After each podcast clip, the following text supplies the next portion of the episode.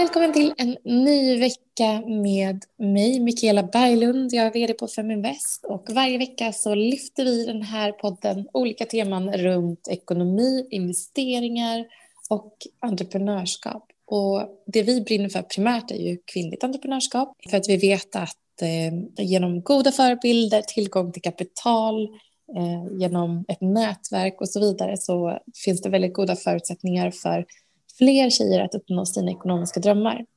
Och vi har ju otroligt bra förutsättningar i Sverige. Ehm, men det finns också utmaningar. Och en överraskande information som jag fick till godo utav dagens gäst det är att vi i Sverige är väldigt dåliga när det kommer till riskkapital för sociala investeringar i, i bolag som vill bidra positivt som kanske inte bara är, är eh, så, så att säga vinstdrivande och man kallar det för impact investing eller social impact investing. Eh, och här ligger vi i Sverige ganska illa till faktiskt. Därför är jag så glad över att få prata med eh, Ylva Lundqvist Frid som är vd på Mikrofonden. Så kul att ha dig med. Ja, jättekul att vara med. Men berätta, var befinner du dig någonstans just nu? Jag bor i södra Dalarna i eh, Stjärnsund eh, där jag jobbar hemifrån. Ah, som vi alla gör. Det är konstigt, helt plötsligt så, så blir man ganska, liksom, man blir på samma nivå. Alla jobbar hemifrån. Ja, eh, du, har ju, ja, du har ju en otroligt intressant bakgrund. Eh, du har jobbat mycket inom utbildning, som föreläsare och eh, har ja, men ganska nyligt tagit på dig rollen, eller du började jobba egentligen för Mikrofonden i 2019 och drivit eh, Mikrofonden Sverige. Och jag vet inte om ni som lyssnar känner till eh, vad Mikrofonden gör, men de har en hel del olika tjänster. Eh, de erbjuder garantier och kapitalinvesteringar till eh, både företag, föreningar, kooperativ, verksamheter och projekt som just fokuserar på det här som jag pratade om in, in, initialt, om social ekonomi och lokal utveckling. Eh, men hur, eh, hur kom det sig att du tog klivet in till att jobba som vd och driva den här verksamheten? Ja, eh, vad ska man säga? Alltså jag har ju varit engagerad i olika folkrörelser och föreningar och så ända sedan jag var barn i princip. Och eh, jag tänkte ganska tidigt så att Eh, det viktigaste vi behöver eh, förändra eh, och utveckla om vi vill ha en positiv samhällsutveckling, det är liksom det ekonomiska systemet. Eh, så jag utbildade mig till ekonom och inriktning mot ekonomisk historia och har varit intresserad av just det här att hur kan vi få liksom kapital att strömma till den samhällsutveckling vi vill se och inte, inte bara till de här dåliga sakerna som alltså det, oljeindustrin och vapenindustrin verkar inte ha några som helst problem att få tag i, i investeringar. Eh, men någon som vill liksom, skapa integration för nyanlända eller eh, ha en jättebra liksom, klimatinnovation eller så där verkar ha mycket svårare. Så ja, jag var intresserad av det och eh, ja, jobbade i flera år för Hela Sverige ska leva som är den svenska byarörelsen eh, alla riksorganisation för Sveriges alla samhällsföreningar och byalag och så. Och vi var med och startade mikrofonderna eh, tillsammans med eh, de kooperativa bankerna eh, i Sverige och med Companion som är företagsrådgivare för folk som vill starta kooperativ. Eh, och var med och drev olika projekt för att utveckla mikrofonderna. Eh, så det var liksom i flera år så var mikrofonden Sverige inhouse på Hela Sverige ska leva. Eh, och sen bara förra året så var vi redo att eh, ta klivet och anställa en VD och då gick jag över då från Hela Sverige ska leva till, till att jobba på mikrofonden. Mm. Det är så intressant som du säger hur lätt det är för egentligen eh, vissa industrier som är så ganska vedertaget liksom dåliga för världen och miljön och så vidare. Har, hur lätt det är för dem att att få in kapital. Men kan inte du berätta mm. lite om hur det ser ut i Sverige också och varför ni är så viktiga? Ja, eh, nej men vi har ju tyvärr har vi en eh, finansmarknad som inte är bra på att inkludera eh, civilsamhälle, kooperation, sociala företag. Eh, Alltså det har ju hänt mycket. Den svenska finansmarknaden har ändrats mycket de senaste decennierna, till exempel genom att jättemånga sparbanker har lagt ner och liksom gått upp i Swedbank och sen så har det försvunnit massvis med bankkontor och så vidare. Ehm, och eh, idag är vi i ett läge där många föreningar i Sverige inte ens får öppna ett bankkonto. Ehm, om de går till banken och säger liksom, våran scoutkår här, vi vill ha ett sparkonto, eh, så är det många banker som säger nej. Eh, de tycker inte att det är tillräckligt lönsamma kunder eller man är rädd för den här, eh, de starkare lagstiftningarna vi har mot penningtvätt och så vidare och då tar man det säkra för det osäkra och bara säger nej. Och det blir ju ett jätteproblem för hela det svenska civilsamhället egentligen. Och där försöker vi då på Mikrofonden att, att vara en dörröppnare för den här typen av organisationer, att de faktiskt ska få tillgång till kapital och, och ha den likviditet de behöver för att kunna driva sina verksamheter. Mm, just det. Eh, men kan du berätta då på vilka olika sätt som mikrofonden kan hjälpa till? Mm. Det allra vanligaste vi gör med vårt eh, riskvilliga kapital, det är att gå in som borgenär. För där ser vi att det är liksom en riktigt stor utmaning för många föreningar, att man sitter inte på Eh, Eh, det egna kapital som man kanske har i ett aktiebolag eller, eller så. Man, man kanske eh, inte har köpt en fastighet utan man är, hyresgäst eh, och så där. Så man har liksom ingenting att pantsätta när man väl behöver investeringskapital. Så då kan vi gå in som garant och ställa ut kreditgarantier. Jag tycker bankerna är toppenbra. Det är liksom bästa säkerheten egentligen att få en klump med pengar som de kan ta från oss ifall den här föreningen inte eller sociala företaget eller kooperativet inte skulle liksom amortera på sitt lån mm. Eh, eller betala sina räntor. Ehm, och vi kan också gå in som borgenär liksom gentemot andra aktörer för att ehm, de här organisationerna ska få tillgång till resurser. Vi kan till exempel vi har borgat för ett företag, ett socialt företag som eh, behövde tjänstebilar. Då har vi borgat för deras leasing till exempel. Eh, för ett dansstudio som behövde borgenär för, ehm, för sin för att få hyra av hyresvärden. Ehm, men sen så kan vi också gå in eh, som liksom investerare ehm, och det ser ju lite annorlunda ut när man går in i den här typen av organisationer jämfört med ett aktiebolag. Då kanske det handlar om en förlagsinsats eller att bli investerande medlem i ett kooperativ. Just det. Till exempel. Mm, så intressant. Finns det någon annan som gör det här i Sverige? Eh, nej, jag skulle säga att det inte gör det. Det finns ju ett par eh, eh, sådana här impactbolag i Sverige men som har mer inriktning mot eh, amen, alltså vinstdrivande bolag som kanske har en del av sitt företag eh, som gör någonting bra som, eh, som också bidrar till ökad hälsa i samhället eller så. Men just eh, till den här sektorn, den, den, den tredje sektorn, eh, den demokratiskt eh, organiserade eh, ekonomin, där har vi nästan inga, eh, inga konkurrenter. Det mm. finns ju som sagt ett par kooperativa banker som vi samarbetar nära med, men de har inte riskvilligt kapital utan de, de kräver ju fulla säkerheter för sina lån och så. Just det. Ja, ni är väldigt viktiga och vi drivs ju av olika saker liksom i, i näringslivet och det är egentligen konstigt som sagt att vi som har så otroligt goda ekonomiska förutsättningar och vurmar för jämställdhet och jämställda förutsättningar inte har kommit längre på det här området. För jag vet att det har du berättat för mig att många andra länder ligger långt före oss. Mm. Ja. Jag är ekonomhistoriker och tänker på, liksom, mycket på det här med hur samhällsutvecklingen och, och samhällssystemen har sett ut och så där. Jag tror att i Sverige handlar det här om att eh, vi har haft ett ganska unikt eh, välfärdssystem där den svenska staten och kommunerna har tagit ett väldigt stort ansvar för de sociala frågorna. Eh, vi har ju liksom ja, men offentligt finansierad sjukvård och barnomsorg och, och eh, föreningsbidrag och så vidare. Eh, så vi är ju vana att, eh, att det är staten och kommunerna och regionerna som har tagit väldigt mycket av de här frågorna.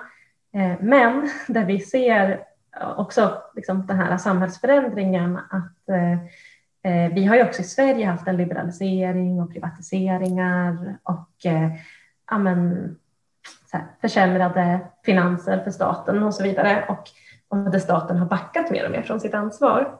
Och då blir det en massa saker som faller mellan stolarna, eh, till exempel på integrationsområdet. eh, så finns det ju jättemycket att göra och där offentlig sektor, eh, offentlig sektor inte riktigt hänger med så att säga. Ehm, Eh, ja, men då, jag tänker, vi är inte riktigt i Sverige vana med de här hybridorganisationerna eh, som är liksom någon slags mellanting mellan en ideell förening och ett vinstdrivande företag. De här sociala företagen de är ju en hybrid som har liksom en ekonomisk affärsverksamhet men syftet är samhällsnytta. Eh, och det där är inte liksom, våra strukturer är inte riktigt byggda för det ännu.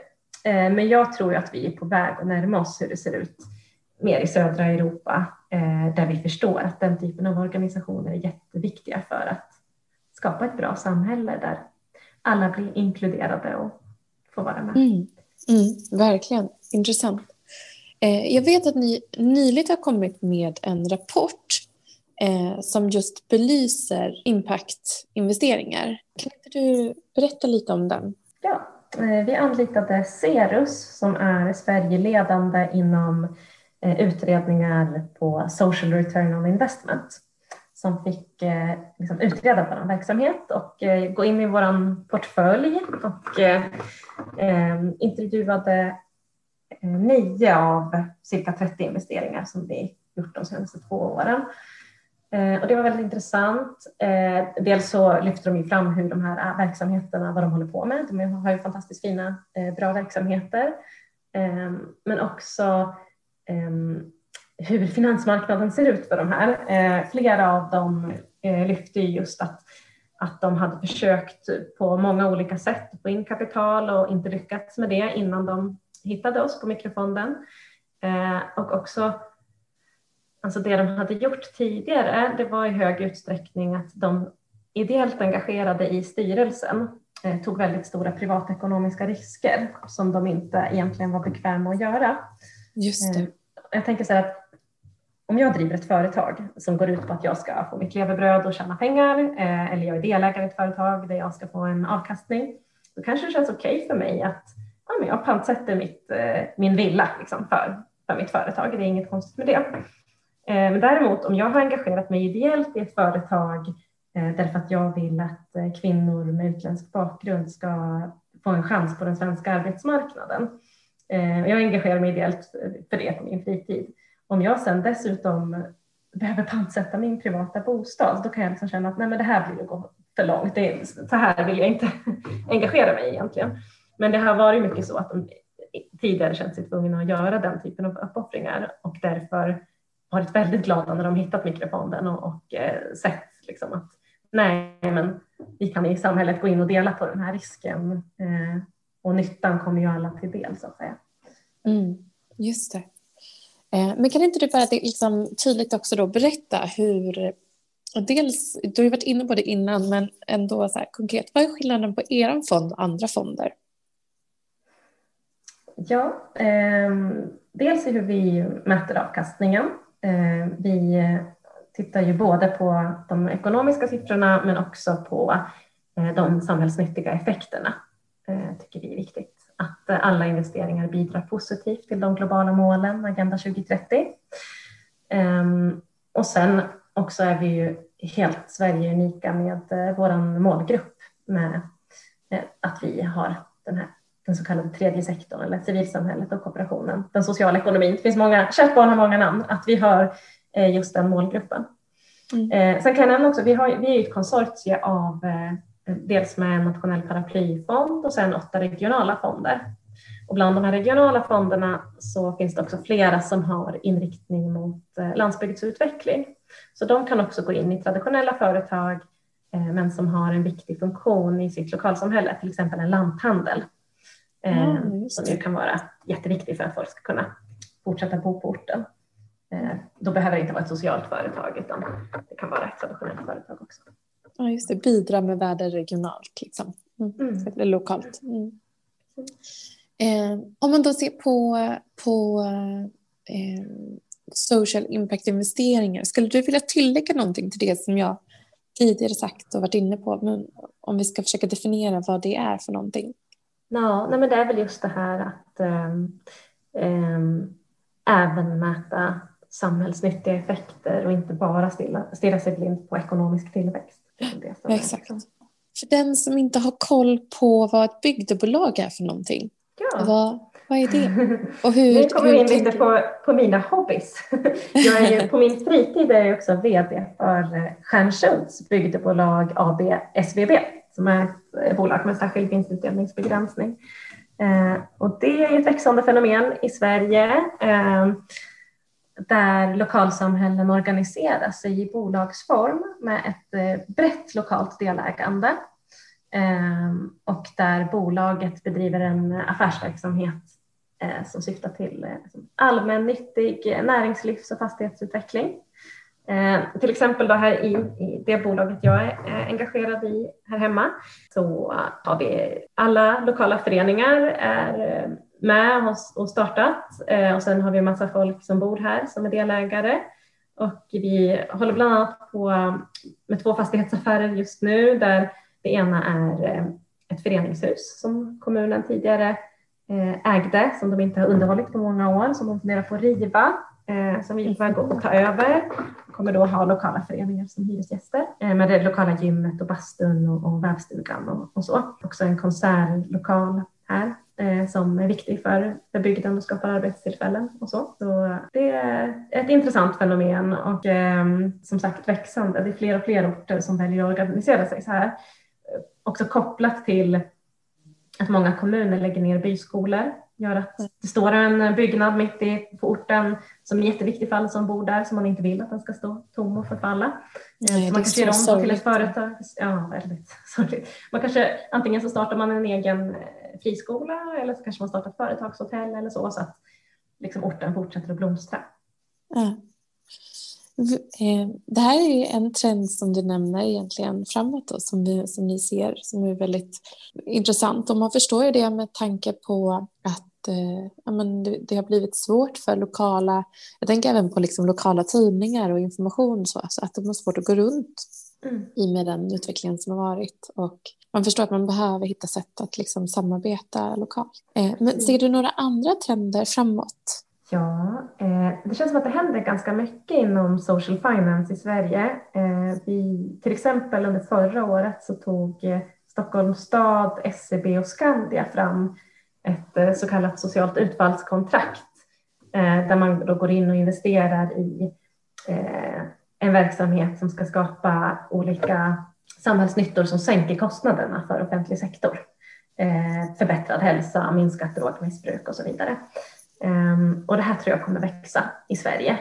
Ehm, eh, och vi på Mikrofonden är också väldigt glada för vi märker att det är fler organisationer i Sverige som lyfter det här med ehm, offentlig sektor satsar ganska mycket riskkapital på eh, start av eh, traditionella företag, men ingenting på start av sociala företag.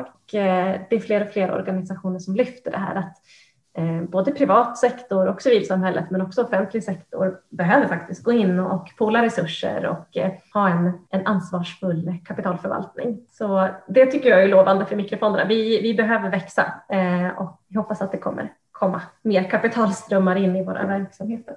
Mm. Ja, och på det, på det temat, hur kan man engagera sig i en verksamhet och var finns ni någonstans? Ja, men vi finns ju i hela landet. Ehm, vi är lite mindre verksamma i de tre nordligaste länen, för där finns det en annan organisation som heter Garantia som går in som garant för företag. Ehm, men annars finns det i hela landet eh, och i åtta regioner. Man kan kolla på vår hemsida vilka regioner det finns i.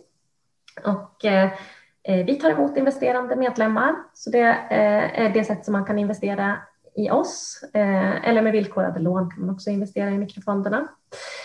Ehm, sen så kan man såklart engagera sig också. Vi har ju då i alla de här regionerna har vi styrelser och kreditkommittéer och vi jobbar väldigt mycket med ska säga, finansiell coachning och vägledning av de här verksamheterna som kommer till oss. Många av dem är inte så erfarna inom finansiering så att så vi håller på mycket och bollar med dem. Hur, hur ska en bra likviditetsbudget se ut egentligen? En sån typisk fråga som vi jobbar mycket med och, och folkbildar kring. Så att, eh, den typen av insatser, om man vill engagera sig med tid, så, så kan man absolut kontakta oss också. Ja, vad roligt. Kan man investera i er som investerare? Absolut. Det är bara att eh, dra iväg ett mejl till info.mikrofonden.se så kommer jag skicka en blankett. Så går man in som eh, förslagsvis investerande medlem. Och vad kan man då förvänta sig som avkastning? Ja, eh, det är en intressant fråga.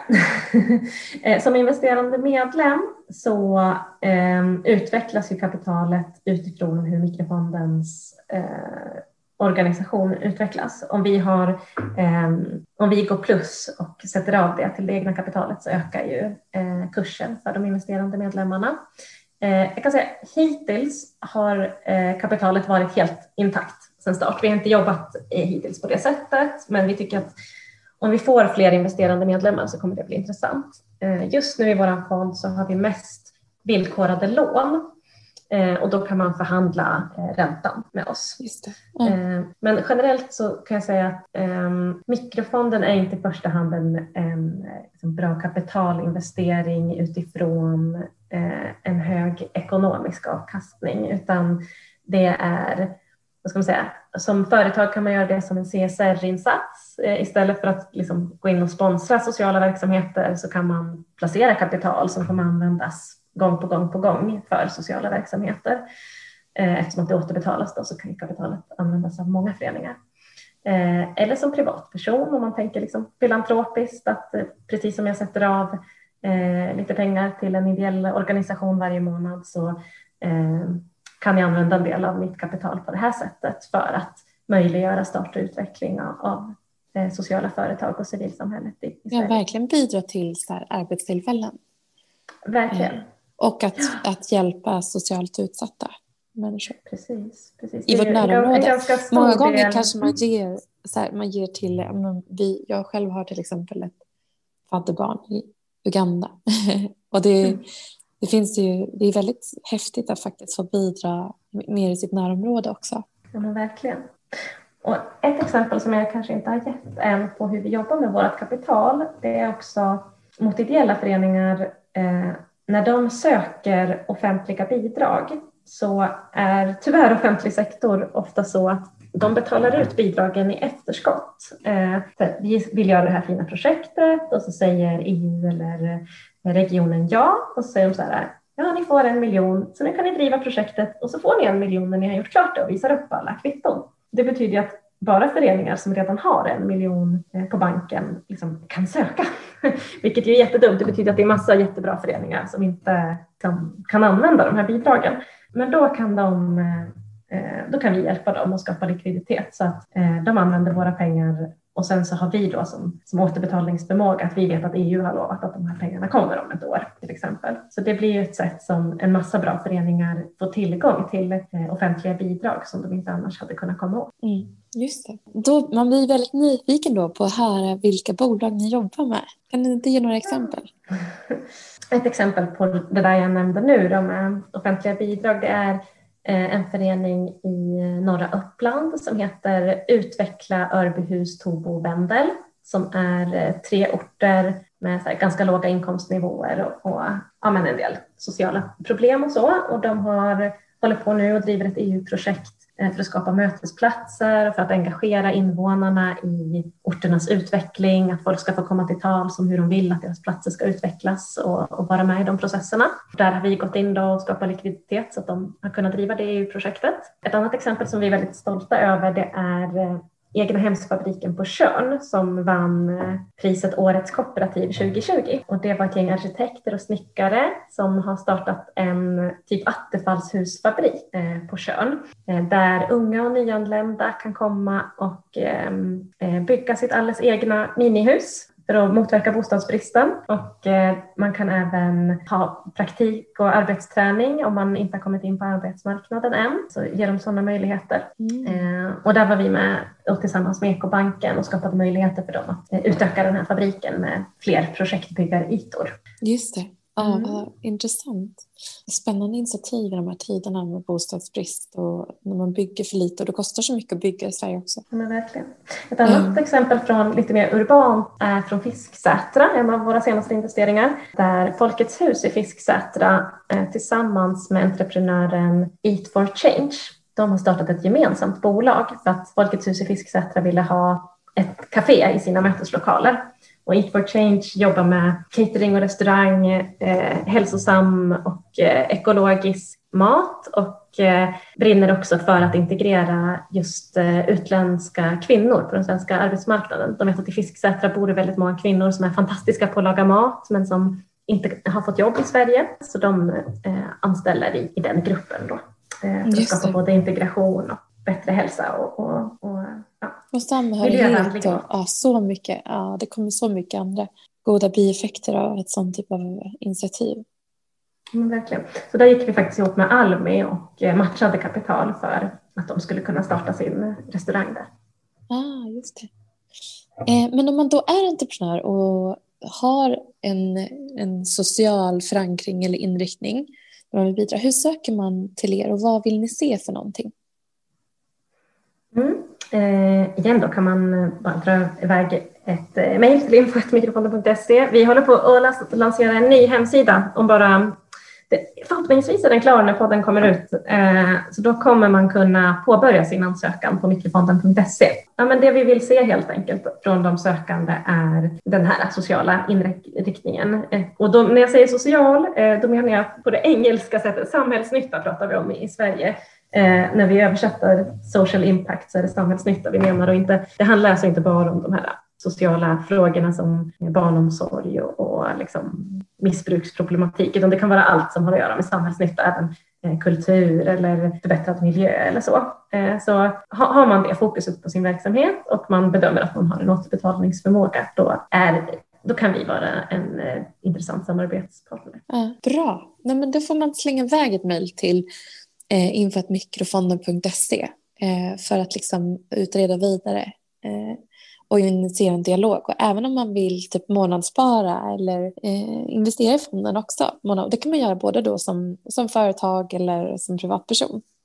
Och där kan, tycker jag att vi tar en dialog också. Vi vill gärna bidra eh, på olika sätt och du får gärna se oss som en resurs också när det kommer till att bidra om vi kan representera eller prata om ert arbete i något sammanhang. Så jag gör ja, det jättegärna. Jag tycker att det här är ett fantastiskt fint arbete och eh, ett så viktigt. Jag, jag brinner, hela min verksamhet är ju också liksom ett initiativ som jag vill bidra positivt genom att ge självförtroende till kvinnor när det kommer till ekonomi och företagande. Och, eh, så jag är också väldigt driven av den här att bidra positivt i, till till samhället så att säga. Yeah. So this is just up my sleeve.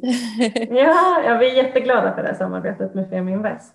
Och eh, på tal om det, alltså man säger jämställdhet som en så viktig eh, samhällsfråga, så såg jag bara häromdagen en debattartikel från Global utmaning att bara en procent av riskkapitalet i världen tror jag det var som går till kvinnliga entreprenörer. Det är förfärligt. Eh, och vi har fört statistik nu senaste åren över våra investeringar Eh, och som sagt handlar det ofta om föreningar, så det är inte bara en entreprenör, men att eh, av våra investeringar så är det 61 procent kvinnliga sökande som får investeringar. Otroligt, wow! Ja, så det är vi stolta över. Då känner vi att vi bidrar Verkligen. till att det går åt rätt håll. Ja, ja, för de där andra siffrorna, där försöker vi bidra positivt till. Eh, för det är ju så märkligt att det är så. Men det är, för det är väldigt mm. intressant att det är så högt också. Det visar ju verkligen att vi kvinnor vill ta ett högre socialt ansvar när det kommer till de företagen vi startar. För om vi tittar på företagarna generellt så säger man att var tredje bolag som startas eh, av kvinnor och sen då att ni har en sån överrepresentation av kvinnliga grundare. Väldigt intressant. Mm, ja, och någonting man kan veta också när man eh, investerar i sociala företag som sektor är att de har en högre överlevnadsgrad. De är mer långsiktiga i sina verksamheter. Eh, det finns till och med studier på att de är kontracykliska, alltså de, de är inte lika känsliga för eh, liksom, konjunkturnedgångar och sånt. Så även om det kanske inte är lika hög avkastning liksom, på kort sikt så kan det vara en väldigt bra långsiktig investering. Mm. Ha, du, tack så jättemycket för att du var med i den här podden. Och eh, vi skriver kontaktuppgifterna nedanför här så att ni kan ta direktkontakt med, med Ylva. Och det finns på vår hemsida och så vidare. Och eh, skriv till oss om, om, om det är så att du har hittat i podden via våra sociala medier eller så. Om du vill ha kontaktuppgifter så självklart så hjälper vi till också. Ja. Och jag kan säga det, vi stavar mikrofonden med K. Det är många som tror vi stavar mikro med C. Så att vi stavar med K så kommer mejlet fram också. Ja, men just tack det. så jättemycket för, för att jag har fått vara med idag och för allt ni gör på Feminvest. Ja, men tack du, verkligen. Eh, och eh, ser fram emot att följa ert arbete framåt. Ha en fin dag eh, och har ni någon snö förresten?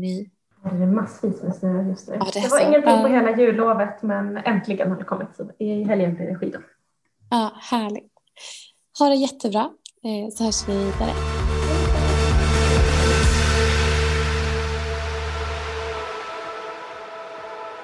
Feminvest är Sveriges största investeringsnätverk för tjejer. Vi vill att allt fler ska våga äga och förvalta. Och hur gör vi då detta? Jo, vi vill inspirera, utbilda och utmana runt ägande, investeringar och entreprenörskap.